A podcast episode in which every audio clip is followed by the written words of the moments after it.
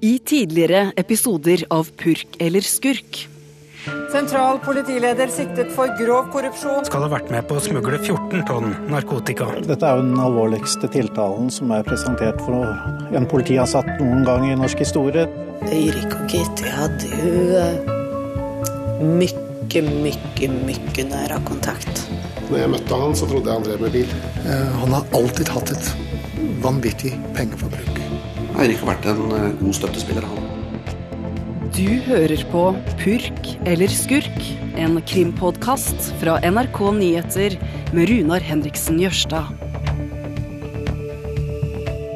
Episode tre. Når jeg jobber med en sak som denne så lenge, så tenker jeg på den omtrent døgnet rundt. Jeg våkner med den om morgenen og legger meg med den om kvelden. Jeg har snakka med så mange forskjellige folk om Eirik Jensen de to siste månedene at jeg nesten føler at jeg kjenner han. Selv om Jensen og jeg har prata sammen på telefon noen ganger i det siste, siden jeg har prøvd å få han med i podkasten, har det vært utrolig frustrerende at han ikke har villet la seg intervjue. Det er jo tross alt Jensen det her handler om, så det er en durabelig nedtur ikke å få med hovedpersonen. Nå er det like før rettssaken starter, og det er selvfølgelig en hel masse ting jeg gjerne skulle spurt han om, men han vil ikke. Og jeg hadde gitt opp. Jeg hadde bestemt meg for å slutte å mase. Men så Der skrev han melding. Ring på, skriver han da. Da får mandarinen vente.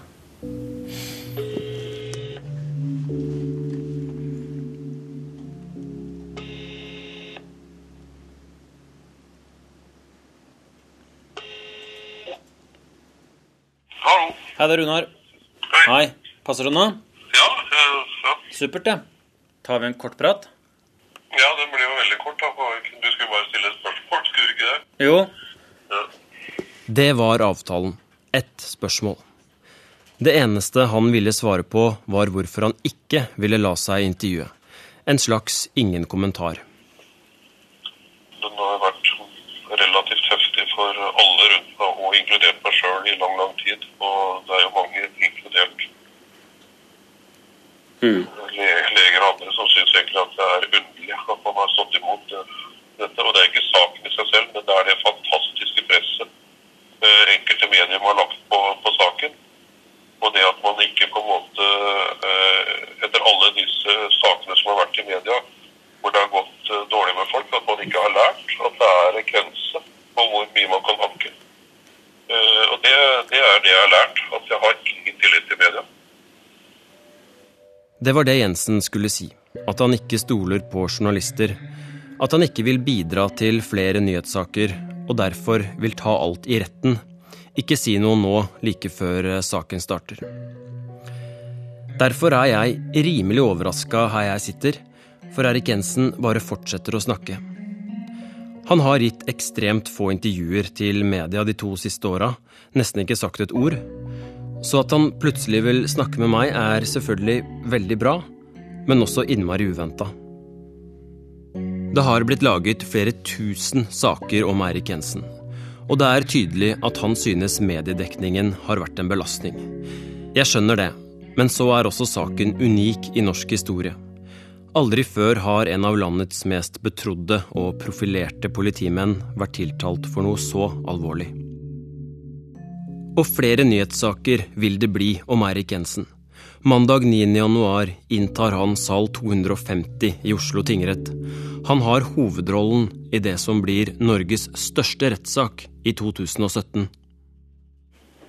Optimist eller redd? Nei, jeg har vært optimist hele tiden, ja, men eh, det er liksom eh, Litt premierenerver er jo alltid når man skal i retten, men eh, jeg regner med at det er blåst bort når vi først kommer i gang. Dette er her det skal avgjøres. Jeg er jo innstilt på å på en måte legge alle kort på bordet her, som belyser eh, kanskje litt annen side av saken. Sammen med forsvarerne sine, Jon Christian Elden og Arild Holden, har Eirik Jensen brukt de siste månedene til å forberede seg.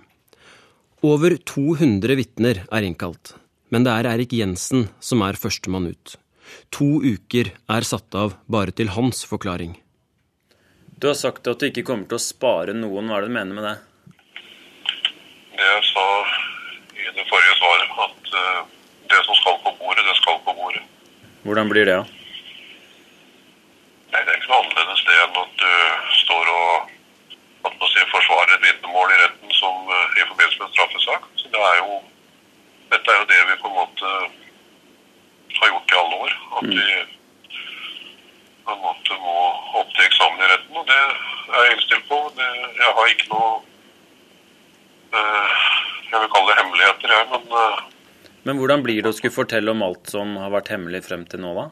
Nei, det er jo, som jeg sier, det, det har jo ikke akkurat vært det jeg hadde sett for meg. Altså, Jeg har aldri på en måte røpet hemmeligheter, og det har jeg på en måte Eller det er noe politifolk kjenner seg igjen i, at eh, man holder mye av sin opplevelse for seg sjøl. Men det er klart at i denne situasjonen så er det faktisk ikke jeg som har valgt denne strategien. Jeg har bare vært nødt til å For å på en måte eh, forsvare meg, så må jeg fortelle alt. Og det er jo sånn det er blitt. Og det betyr jo det at jeg bryter mine egne kodekser og legger på bordet det som er nødvendig for at retten skal se at eh, det er også en annen side i denne saken enn eh, enn, eh, det man på en måte har presentert for publikum nå. Hvem er det disse hemmelighetene kommer til å ramme, da? Det vet jeg ikke. Altså, folk er jo på en måte Man velger jo sjøl hvem dette rammer. Og som du sier, det, de, hvordan de vil takle det, det, det har ikke jeg tenkt noe på. For det betyr ikke noe for meg lenger nå. Jeg har ikke noe relasjoner lenger til øh, noen av de, og, og det de har vist til nå, uh, gjør jo sitt at jeg ikke har noe betenkeligheter med å på en måte uh, vise hva de forskjellige har visst, og hva de har vært med på. Så det, det bekymrer meg ikke så veldig. Er det politifolk eller kriminelle? Hvem er det du tenker på da? da? Nå skulle vi gjøre dette så ganske kort, skulle vi ikke det? Så Jo. eh, jeg bare sier jo det at i utgangspunktet så, så er det helt klart at det er eh, folk med roller her som iallfall ikke har kommet frem i lyset til, eh, til nå. Og de rollene deres vil jo selvfølgelig bli tema. Sånn jeg oppfatter Jensen her, kommer han til å ta et oppgjør med både den ene og den andre i retten. Selv om jeg altså bare skulle stille ett spørsmål, fortsetter Jensen, som dere skjønner, å snakke. Men vi må stoppe opp litt, for det er en del ting han ikke vil prate om når jeg intervjuer han på telefon, ting som går på tiltalen. Hvorfor han fikk en konvolutt med penger av hasjsmugleren Gjermund Cappelen, og hvorfor Cappelen ifølge Jensen trengte å låne penger. Og hva mente han i SMS-ene til Cappelen når han skrev ting som 'stille og sol' og 'kontoret er tynt bemanna'? Og så skulle jeg gjerne spurt han om det siste møtet han hadde med Gjermund Cappelen 19.12.2013. Møtet vi hørte litt om på slutten av forrige episode. Nå er vi snart på Grønland i Oslo sentrum. Vi skal til det stedet der eh, Gjermund Cappelen og Eirik Jensen hadde sitt siste møte før eh, Cappelen ble arrestert. Og det møtet kommer til å bli et tema i retten. Og det som skjedde etter møtet, kommer også til å bli et uh, tema. Uh, for der sendte Erik Jensen en SMS som jeg tror mange lurer på hva han mente med. De siste møtet de hadde var, etter det jeg vet, utenfor Kiwi-butikken like ved politihuset på Grønland. Jeg tror Kiwi er én avstikker lenger borte. Vi, altså kollega Irina og jeg, prøver å finne akkurat det stedet Gjermund Cappelen og Eirik Jensen dro til. Da Cappelen oppdaga at noen hadde stjålet over 100 kilo hasj fra lageret hans. Her kan vi stå. Omtrent rett rundt svingen her så ligger eh, politihuset i Oslo. Der det jobber hundrevis, jeg vil kanskje tro tusenvis av politifolk. Der kommer en politibil. Og der kommer det en politibil. Syns det er kjemperart at de møttes her. Jeg skjønner ikke det. Nei, og det Eirik Jensen og Gjermund Cappelen ikke visste, det var jo at eh, de var ikke alene. For innen de møttes her, så lå politispanerne klare rundt omkring og fulgte med under hele møtet. For de hadde avlytta telefoner og visste at Jensen og Cappelen skulle møtes akkurat her. Dette møtet mellom de to kan virke ganske spesielt. Politiet hadde nylig tatt hasjen til Cappelen for å skape uro i hasjnettverket, samtidig som de overvåka all kommunikasjon. Jeg har spurt Eirik Jensen om dette møtet mellom de to. Han vil ikke si noe om det, siden det kommer til å bli et tema i rettssaken. Det eneste han vil, er å bekrefte at han møtte Cappelen den dagen, og at han synes møtet var ubehagelig. Men så har jeg snakka med flere andre om møtet, bl.a. forsvarerne til de to. Slik jeg forstår det, ville Cappelen snakke med Jensen om den stjålne hasjen. For å spørre han om det kunne være politiet som hadde tatt den, og om de hadde lov til det. Han skal også ha mistenkt en annen person for å ha stjålet stoffet. Eirik Jensen og Gjermund Cappelen sto her, hvor vi står nå, cirka, på fortauet på Grønland utenfor Kiwi-butikken, og snakka om stjålet hasj. Ja. Det er uh, begge parter enige om. Og det er jo litt merkelig. Uh, det er veldig merkelig. Ja, det er veldig merkelig. Og noen tenker nok at det her ikke henger helt på greip. Fordi Erik Jensen har jo hele tiden sagt at han ikke visste hva slags business Gjermund Cappelen drev med. Og at Cappelen hadde fortalt han at han drev med import av klokker, kunst, eiendom, aksjer. Men at han hadde god kunnskap om hasj og smugling. Og Jensen sier at han tenkte sitt, men at ingen advarte han om Cappelen, og at navnet til Cappelen ikke hadde dukka opp i en eneste sak de siste ti årene. Og at han dermed ikke mistenkte han for å, for å drive med smugling av hasj. Eh, og Jensens eh, forsvarer, eh, Jon Christian Elden, sier at Cappelen under møtet utenfor denne Kiwi-butikken sa at han ikke snakket om sin egen hasj, men at han liksom spurte for en venn. Eh, om politiets metoder osv. Men Gjermund Cappelen har jo selvsagt, holdt jeg på å si, totalt motsatt forklaring. At han selvfølgelig spurte på vegne av seg selv. Og da er de tilbake til det vi har snakka om hele tiden. To forskjellige sannheter og, og ord mot ord. Her må jeg bare skyte inn at jeg håper du som hører på, henger med. For det var flere litt underlige ting som skjedde de dagene før jul i 2013. Ikke mange timene etter møtet mellom politimannen og hasjsmugleren ved Kiwi ble Gjermund Cappelen pågrepet i sitt eget hjem. Men det visste ikke Erik Jensen. Han visste da heller ikke at Cappelen ble fratatt mobilen sin. Jensen sendte derfor en SMS til Cappelen som han trolig aldri fikk sett. Ifølge VG skrev Jensen. Kunne du ikke fått sjekket hans vare- og deleutvalg via en som har hatt motorras? Du vet jo om det er originaldeler når du ser dem. Ok, det her er liksom nok en sånn litt rar SMS, er det ikke det? Nok en rar SMS. Og etter det jeg forstår, så betyr meldinga følgende. Politimannen Eirik Jensen sier Gjermund Cappelen kan sjekke narkotikaen til personen han mistenker har stjålet hasjen hans at Cappelen må se på hva slags eh, varer han har. Og at hvis det er den stjålne hasjen til Cappelen, altså originaldeler, som Jensen omtaler det som, så vil Cappelen kjenne igjen f.eks. på logoer eller hvordan han har pakka og sånne ting. Det her var en litt lang avstikker, men jeg håper at eh, de fleste hang med. For det er ting som denne SMS-en som får meg til å gruble fælt. Og dette språket disse meldingene mellom Eirik Jensen og Gjermund Cappelen kommer til å bli helt sentralt i rettssaken.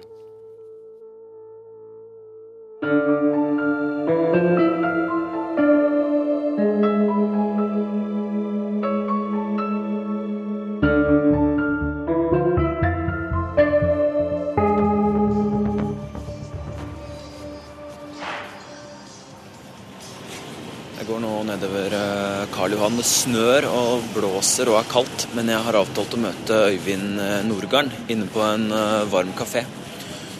Norgarn var eh, sjefen til Erik Jensen i ti år, nesten helt frem til Jensen ble pågrepet. Og det er jo veldig mange som ikke vil snakke om den saken her i det hele tatt. Men Øyvind Norgarn har nå vært pensjonist et par år. Eh, det gjør det kanskje litt lettere å snakke om Erik Jensen. Og sjokket, som han kaller det. God dag. Vi går inn? Da kan vi gå inn. Ja. Jeg var på jobb på, på kontor på politihuset, og, og, det var jo helt klart Det var et uh, fullstendig sjokk for meg. Hvordan da? Nei, altså jeg hadde jo ikke tenkt i de baner i hele tatt. For det første så var vel dette holdt veldig hemmelig. Uh, selvfølgelig, som det skulle være. Så det var fåtall som visste om det. og han ble pågrepet på morgenen da, i, nede, han parkerte bilen sin i garasjeanlegg på politihuset. Eirik Jensen ble kjørt på glattcelle av sine egne den vinterdagen i 2014 og sikta for grov korrupsjon. Så satt han tre måneder i varetekt før han ble løslatt i mai. Da tok Øyvind Nordgarden, som var HR-sjef i Oslo-politiet, han med til ei hytte i skogen. Der var de en uke. Hvordan var den uka på hytta, da? Den var intens og også slitsom. Og lite søvn, mye prating. Stolte på han? Stolte på han 100% Jeg gjorde det. Han Det var ingen tvil om at han var opptatt av hvordan man skulle få resultater. og og det gikk veldig mye med dialog, og vite litt hva skjedde i miljøet. Så han var jo veldig flink på dette her med informanter eh, og kontakter i de innerste miljøene som var litt uh, rufsete, som vi virkelig trengte å få opplysninger fra. Eirik Jensen har tidligere sagt at han har strukket strikken noen ganger i løpet av sin politikarriere. Det er vel sånn at, at han kunne være litt ukonvensjonell. altså Når han hadde en feeling på at han burde snakke med noen konkrete personer for å vite litt mer om hva som kunne være emning, så var det vel ikke bestandig at uh, Ifølge instruks skal det jo være to stykker når man snakker med informanter, og da tok han vel noe shortcut bare for å få hvis det var noe som virkelig brant. Her må jeg bare skyte inn at denne instruksen er hemmelig. Den er unntatt offentlighet, derfor har ikke jeg lest den. Og jeg vet ikke om det stemmer det Norgarden sier om at man som utgangspunkt skal være to personer med under møter med informanter. Var det greit da å ta noen shortcuts? Ja, altså, sånn som jeg kjenner, kjenner, til det, så ble jo alltid det informert om i etterhånd til nærmeste ledere. Sånn at vi var jo Jeg mente i hvert fall at jeg visste hva Eirik holdt på med, og hvilke prosjekter han var eh, dypt involvert i. Du husker de pengene i konvolutten? Et av flere bevis Spesialenheten trolig vil legge frem i retten. Spørsmålet er hva slags penger det var. Betaling eller tilbakebetaling? Erik Jensen fikk jo en konvolutt med penger av, uh, av Cappelen. Uh, selv hevder han at det var da tilbakebetaling av et lån. Jeg veit at det er opplysning på at Eirik har lånt han penger. og uh, jeg vil jo, Så det må man jo bare legge grunn til det som Eirik sier, men selvfølgelig er jo ikke det vanlig. Men nå var det vel ikke noe helt vanlig kontakt heller som det har vært mellom Cappelen og Eirik, sånn som jeg har fått dette forklart i ettertid.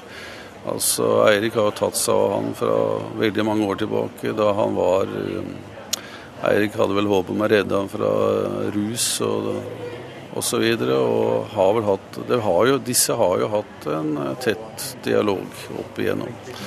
Men uh, å låne til informanter uh, er ikke vanlig, og det er vel ikke spesielt smart. Vi skal snakke mer med Eirik Jensen snart, men først må vi ta dette med informanter. Eirik Jensen påstår at Gjermund Cappelen var informanten hans. Det har Cappelen benekta. Men påstandene om at Cappelen ga informasjon til politiet, blir nok tema i retten. Og jeg lurer på hvordan funker det å være informant? Derfor skal jeg møte en annen tidligere kollega av Jensen. En som selv har hatt mange informanter. God dagen. Hei, hei. Hei. Bra timing. Runar. Malden, hei, hei. hei. Jon Malden er pensjonert politimann, men minner veldig lite om en typisk pensjonist. Ring i begge ørene, dødningehodering på fingeren og hettejakke. Han vil ikke snakke om saken mot den gamle kollegaen og sjefen sin, Eirik Jensen. Han vil heller ikke si noe om Gjermund Cappelen. Men han kan fortelle om hvordan det er å jobbe med informanter, og hvorfor noen blir det. Som oftest er det noen få grunner til det. Det er ikke veldig mange, men det er noen få grunner som er viktige. Den råeste grunnen er jo at man, man raderer ut sin egen konkurranse. At de, de, som da jobber på samme måten, de forsvinner, slik at markedet blir større for den personen som er informant. Er en, du tipser politiet om konkurrentene, så de tips, konkurrentene blir tatt? Helt riktig. Og du, du, du, legger opp til slik at de kan bli tatt, slik at markedet blir større sjøl. Det er noe man vet. Det er ikke noe man spekulerer engang. Det er noe man skjønner. Men det er et spørsmål er man villig til å være med på den leken, så, så, så må, man, må man eh, jobbe slik. Da hjelper jo politiet en kriminell med å ekspandere sin virksomhet, da? Nei, det, altså, du, kan si, ja, du, du, kan, du, kan, tolke det rett vei, men det, det, er ikke slik vi tolker det. Fordi at vi hadde den avtalen Avtalen var veldig klar i, i bånn. Begår du kriminelle handlinger, du blir ikke sett bort fra. Men hvis informanten din er veldig god og leverer mye informasjon til deg, så ser du kanskje gjennom fingrene på litt? Det, det, er, det, er, et spill, det er et spill, dette her. Og, og, noen ganger så må man bruke de spillereglene som er. Og hvis man skal jobbe, kunne jobbe på slik, så er man nødt til å kunne se bort fra noe. For man vet at det kommer til å skje likevel. Det er ingen som klarer det i den verden vi har nå, å være overalt og ta alt. Ellers så, ellers får du heller ikke noe informasjon. Hva er eh, fallgruvene når man driver med informantbehandling? da? Fallgruvene er eh, bl.a. det at sitt, altså forholdet mellom informant og politi ikke må bli for personlig. Har du opplevd det selv? Ja, og det, det, det er eh, Det er eh, ofte vanskelig, og da er det egentlig de lureste å trekke seg ut. I forrige episode fortalte jeg om Operasjon Silent, Politiaksjonen som førte til at Cappelen til slutt ble tatt. At grunnen til at politioperasjonen var strengt hemmelig, var at hasjimportøren hadde sklidd unna i 15 år, selv om han hele veien hadde vært i politiets søkelys. De klarte bare ikke å ta han, og mistenkte at han fikk tips fra noen i politiet. Her om dagen, den 5. januar, bare fire dager før rettssaken, hadde TV 2 en stor sak om akkurat dette. Ifølge TV 2 visste politiet i Asker og Bærum at Gjermund Cappelen en gang på midten av 90-tallet skulle motta et parti hasj fra Nederland. Spanere skal ha fulgt med på hasjsmuglerens bevegelser, men etter at Cappelen møtte Jensen, skal det ha blitt stille, er formuleringen hos TV 2. Noe lignende skal ha skjedd i år 2000. Politispanere fulgte etter Cappelen, men etter nok et møte mellom Jensen og narkosmugleren skal aksjonen ha blitt avslutta, ifølge TV 2. Jeg har også snakka med kilder som påstår dette stemmer. I tillegg forteller Benedicte Vibe, Gjermund Cappelens forsvarer, at Cappelen i avhør har forklart følgende at han ringte direkte til spaningslederen den gangen i år 2000 og spurte hvorfor de fulgte etter han. Politiet var igjen avslørt. Forsvareren til Eirik Jensen sier derimot til TV 2 at Jensen kun hadde kontakt med Cappelen i sammenheng med de politioppgavene han hadde. Jeg har prøvd å spørre Eirik Jensen om det her, men ikke fått svar. Derfor går vi tilbake til telefonintervjuet med han, som jeg må understreke ble gjort før vi visste om de siste påstandene mot han. Men er alt Cappelen kom med løgn, ifølge deg? Jeg vil si at uh, veldig mye av det er uh, på en måte snudd til rundt. Og det, og det, det får jeg ansvar for, og så får folk uh, gjøre opp sin mening om dette etter hvert. Kappen har utelatt mye, og han har snudd mye til rundt. Uh, og det, det, får jeg i møte med i retten. Uh, så det er mye her som både påtalemyndigheten og også andre har på en måte holdt skjult for media. Når det gjelder Cappelens egen rolle, hans egen mentale tilstand og hans egen fysiske tilstand, så det er mye forklaringer her som jeg tror vil komme på bordet etter hvert. Hvordan syns du etterforskningen av saken har vært, da? Det tar jeg rett. Er det noe du har gjort som eh, er straffbart? Det er ikke opp til meg å vurdere. Det får retten vurdere i ettertid. Men sånn du ser det, da, så har ikke du gjort noe gærent? Nei, altså i relasjon til det som er tiltalen her, så vil jeg si at jeg ikke har gjort det. Men det er klart at jeg har jo tydeligvis vært en veldig omstridt person. Altså jeg har gjort mye, holdt jeg på å si, på mitt vis. Men eh, jeg har jo aldri hatt en tilsvarende sak tidligere. Så for meg så føler jeg at jeg er på rimelig trygg grunn. Har du sett litt gjennom fingrene på ting?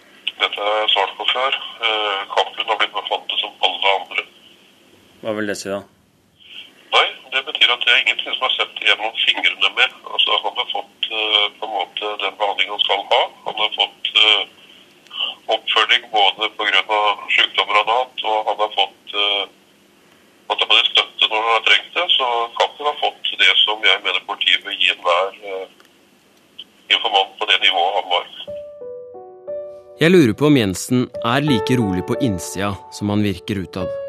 Han risikerer tross alt mange år i fengsel dersom han blir dømt. Jeg må innom en siste tidligere kollega. For mens både Jon Malden og Øyvind Norgarn er helt klare på at de mener Jensen er uskyldig, er det viktig å huske på at Jensen også har vært omstridt innad i politiet.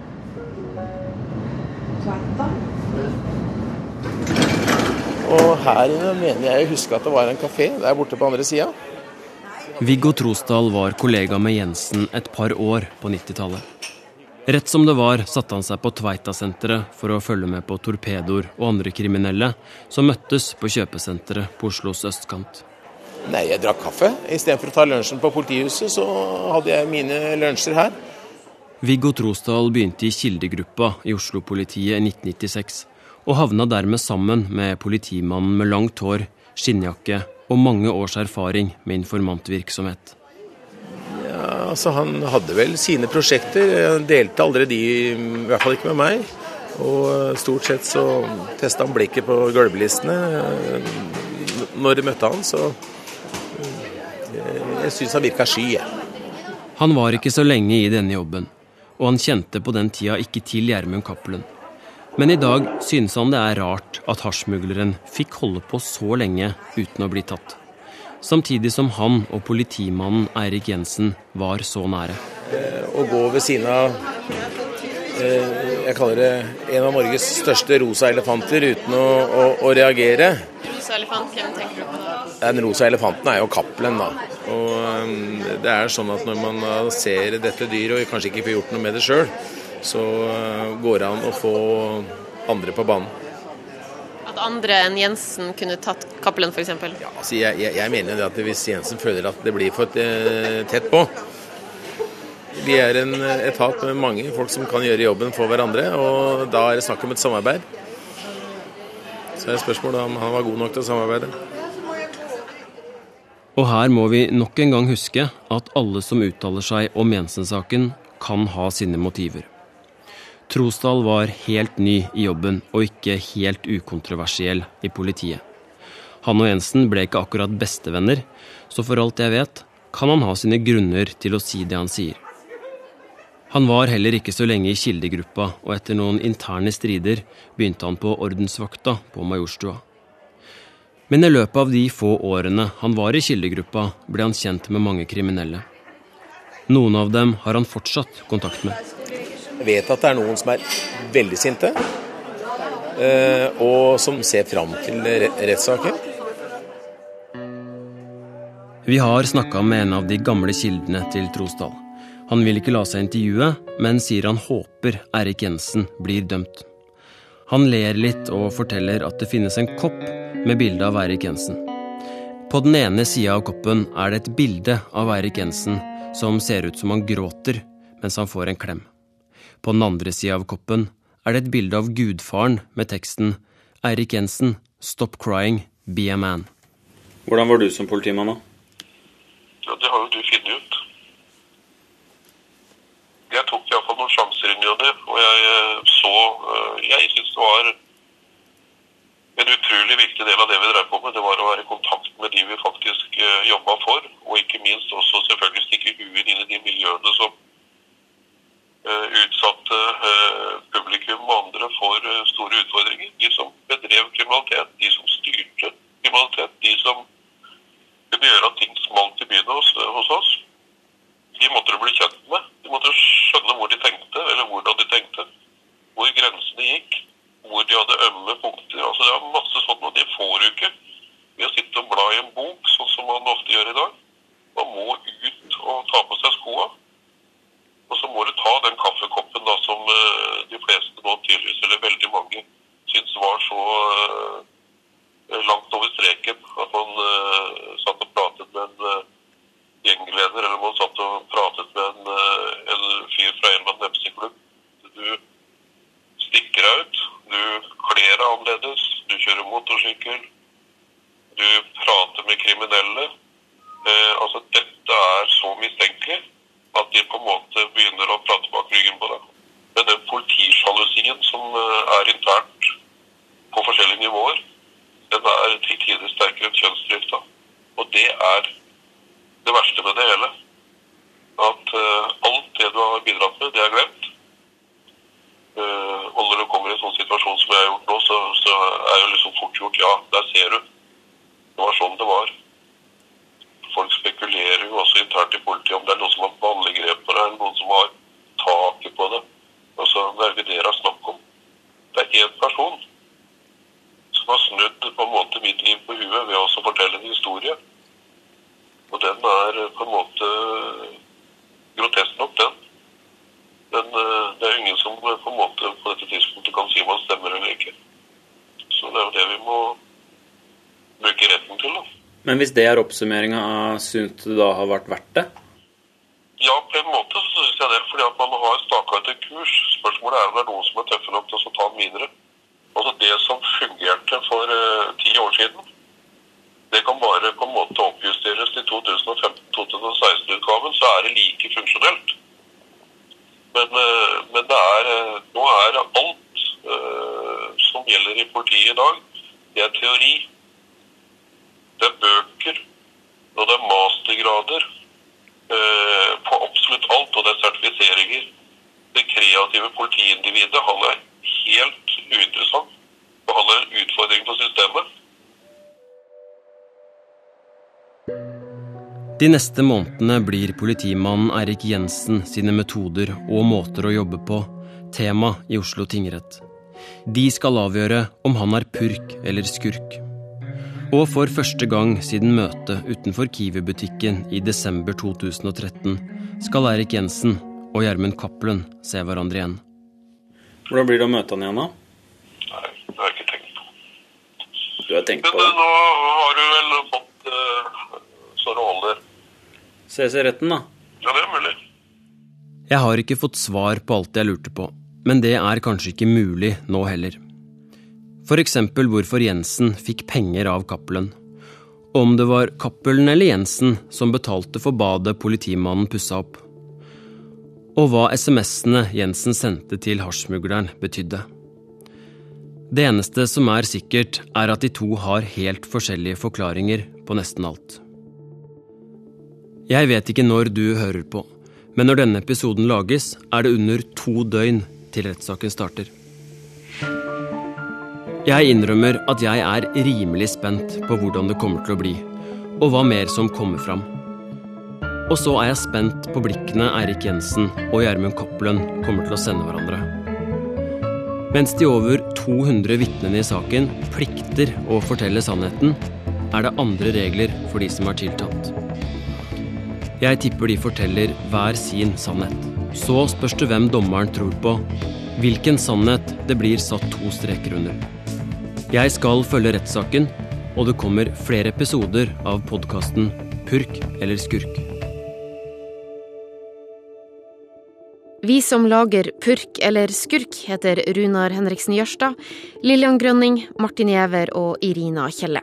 Musikken den er av Jane Kelly og Sindre Hotvedt.